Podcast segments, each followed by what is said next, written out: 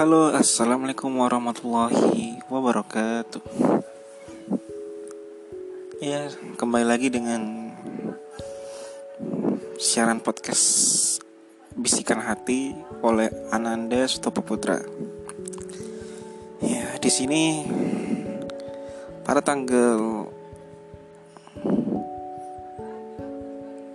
tepatnya tanggal 2 30 September 2019 saya ingin berbicara dan mengomentari tentang situasi politik yang ada di Indonesia. Ya, keresahan saya sih pada tanggal 24 sampai tanggal 26 September terjadi demo yang memuncak antara mahasiswa seluruh Indonesia terhadap pemerintah. Tepatnya mahasiswa melakukan demo mengenai revisi Undang-Undang KPK yang dianggap melemahkan KPK dan juga mengenai RUU RKUHP yang banyak pasal-pasalnya tidak sesuai dengan norma atau tidak wajar karena banyak pasal-pasal yang tajam ke bawah atau tajam ke masyarakat.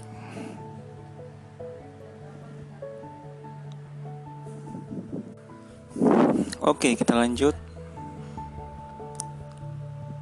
Jadi pas tanggal 24 dan 25 September 2019 kemarin mahasiswa-mahasiswa terutama yang ada di Jakarta melakukan aksi demo besar-besaran menolak keputusan dari revisi Undang-Undang KPK dan RUU KUHP. Ya, banyak insiden yang terjadi dari hal-hal lucu hal-hal yang membuat kita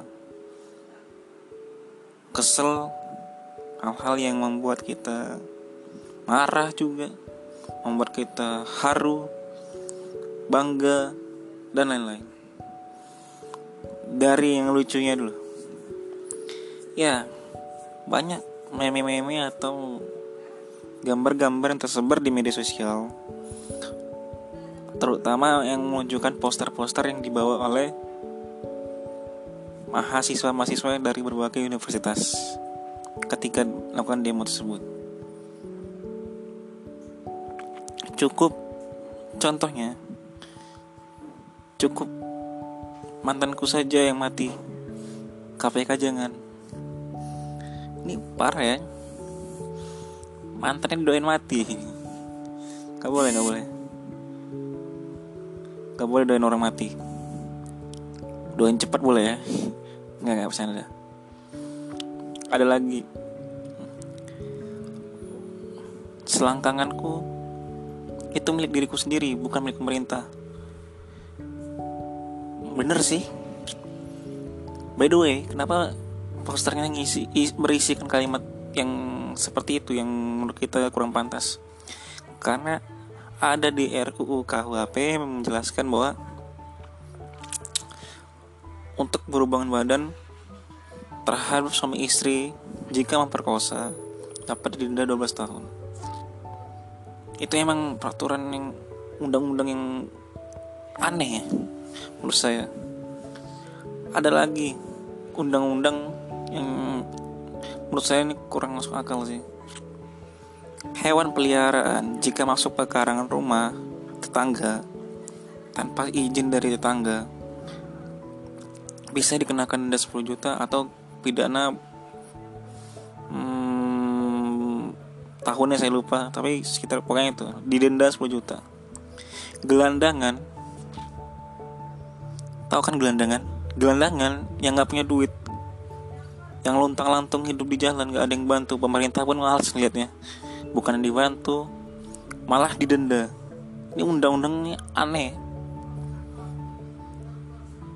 gelandangan didenda satu juta. Mikir coba. Gelandangan loh. Gelandangan aja belum terlantung.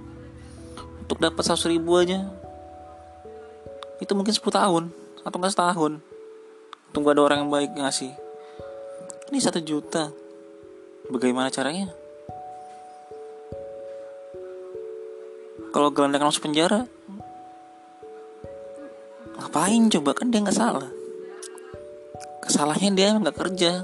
Karena emang susah gitu nyari kerja di zaman yang sekarang ini.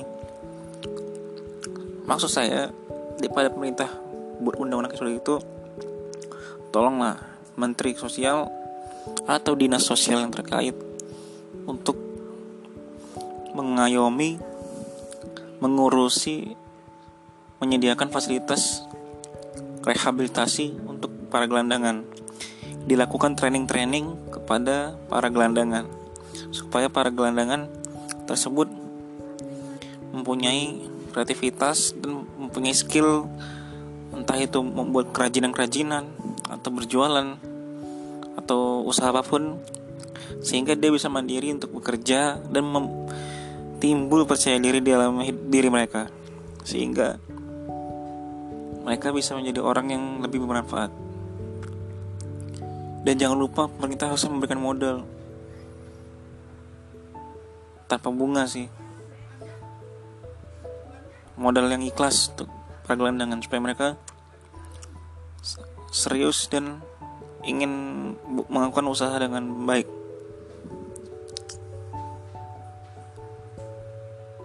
Terus ada lagi undang-undang dari RUU KUHP yang isinya perempuan keluar rumah berkeliaran di luar rumah di atas jam 10 malam dapat didenda. Ini saya bingung juga ini. Menurut saya kan ada tuh bidan. Bidan di rumah sakit tuh kerjanya biasa sip-sipan. Mungkin dia pas dapat pulang jam satu malam dia pulang ke rumah lah kena denda. Paling dia habis balik kerja. Ini menurut saya harus direvisi. Ditolak harusnya.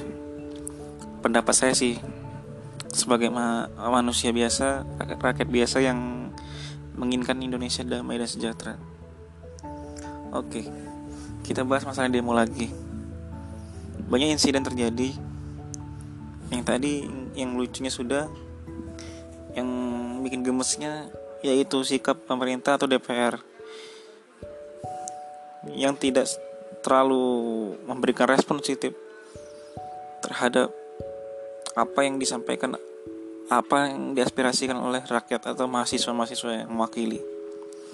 Mereka hanya diam diam-diam menunggu kami menunggu mahasiswa melakukan demo yang lebih gila lagi. Demo yang lebih intensif lagi. Dan saya kecewa sih dengan keputusan bahwa RUU hanya ditunda bukannya dibatalkan. Dan saya bingung ya kenapa sih undang-undang itu dibuat oleh dewan pas ketika mereka mau habis jabatan kebetulan mereka akan habis jabatan tanggal 30 September mereka buat undang-undang itu entah seminggu atau dua minggu tiga minggu sebelum mereka habis jabatan Menurut saya ada yang aneh. Apa ini terlalu dipaksakan atau mereka kejar target atau mereka punya maksud tersendiri. Hanya Allah yang tahu, sedang mereka. Ya, saya ingin semuanya lancar, gak ada masalah. Oh iya, yang bikin sedih juga pada demo kemarin ada dua orang mahasiswa yang yang meninggal dunia akibat kerusuhan yang terjadi. Penyebabnya saya kurang pasti entah karena eh, bentrokan dengan aparat atau atau emang fisik yang tidak prima. Saya terlalu berduka cita terhadap mahasiswa-mahasiswa yang mengembuskan nafasnya demi membela keadilan di negara kita tercinta ini. Ya, saya bikin marahnya. Kenapa pemerintah diam aja? Kesel banget. Pemerintah kurang tegas dalam hal ini. Terutama revisi Undang-Undang KPK. Yang di mana untuk melakukan penyadapan harus melalui izin dulu dari dari departemen terkait. Saya punya masukan sih kepada dewan jika ingin memberantas korupsi. Buatlah undang-undang yang korupsi. Buatlah undang-undang tegas untuk para koruptor. Misalnya pertama undang uh, jika korupsi mencapai angka di atas satu miliar maka dihukum dengan pidana hukuman mati jika di atas 500 juta maka koruptor harus dihukum seumur hidup. Jika 250 juta ke atas korupsinya, maka koruptor harus dihukum selama 30 tahun.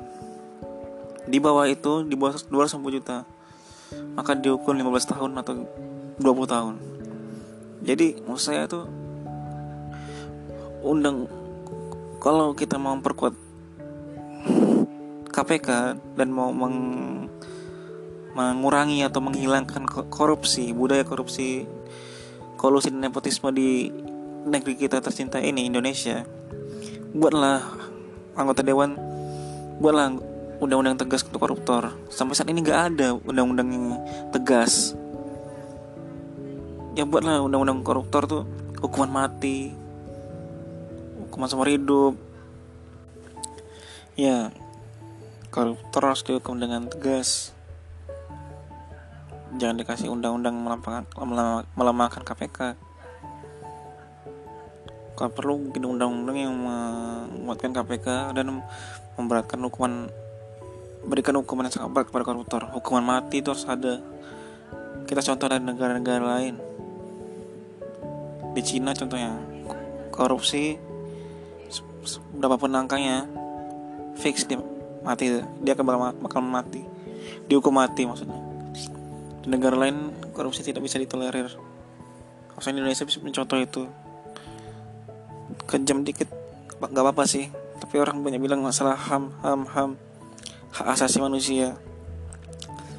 Lah orang yang koruptor tuh yang korupsi nggak nggak tahu juga hak asasi manusia nggak tahu di kepentingan bangsa. Mereka juga menyalahi ham juga sebenarnya. Cuman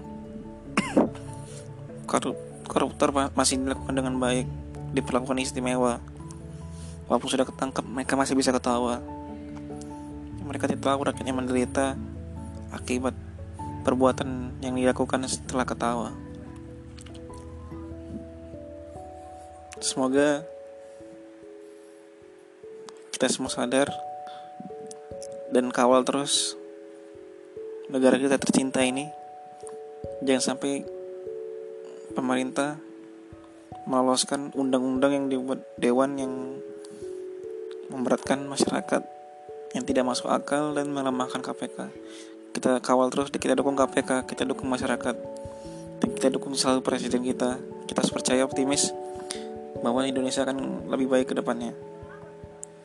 Mungkin itu saja untuk kali ini. Akhir kata, tetap semangat. Awali semua dengan bismillah akhiri dengan alhamdulillah. Saya Ananda Putra wassalamualaikum warahmatullahi wabarakatuh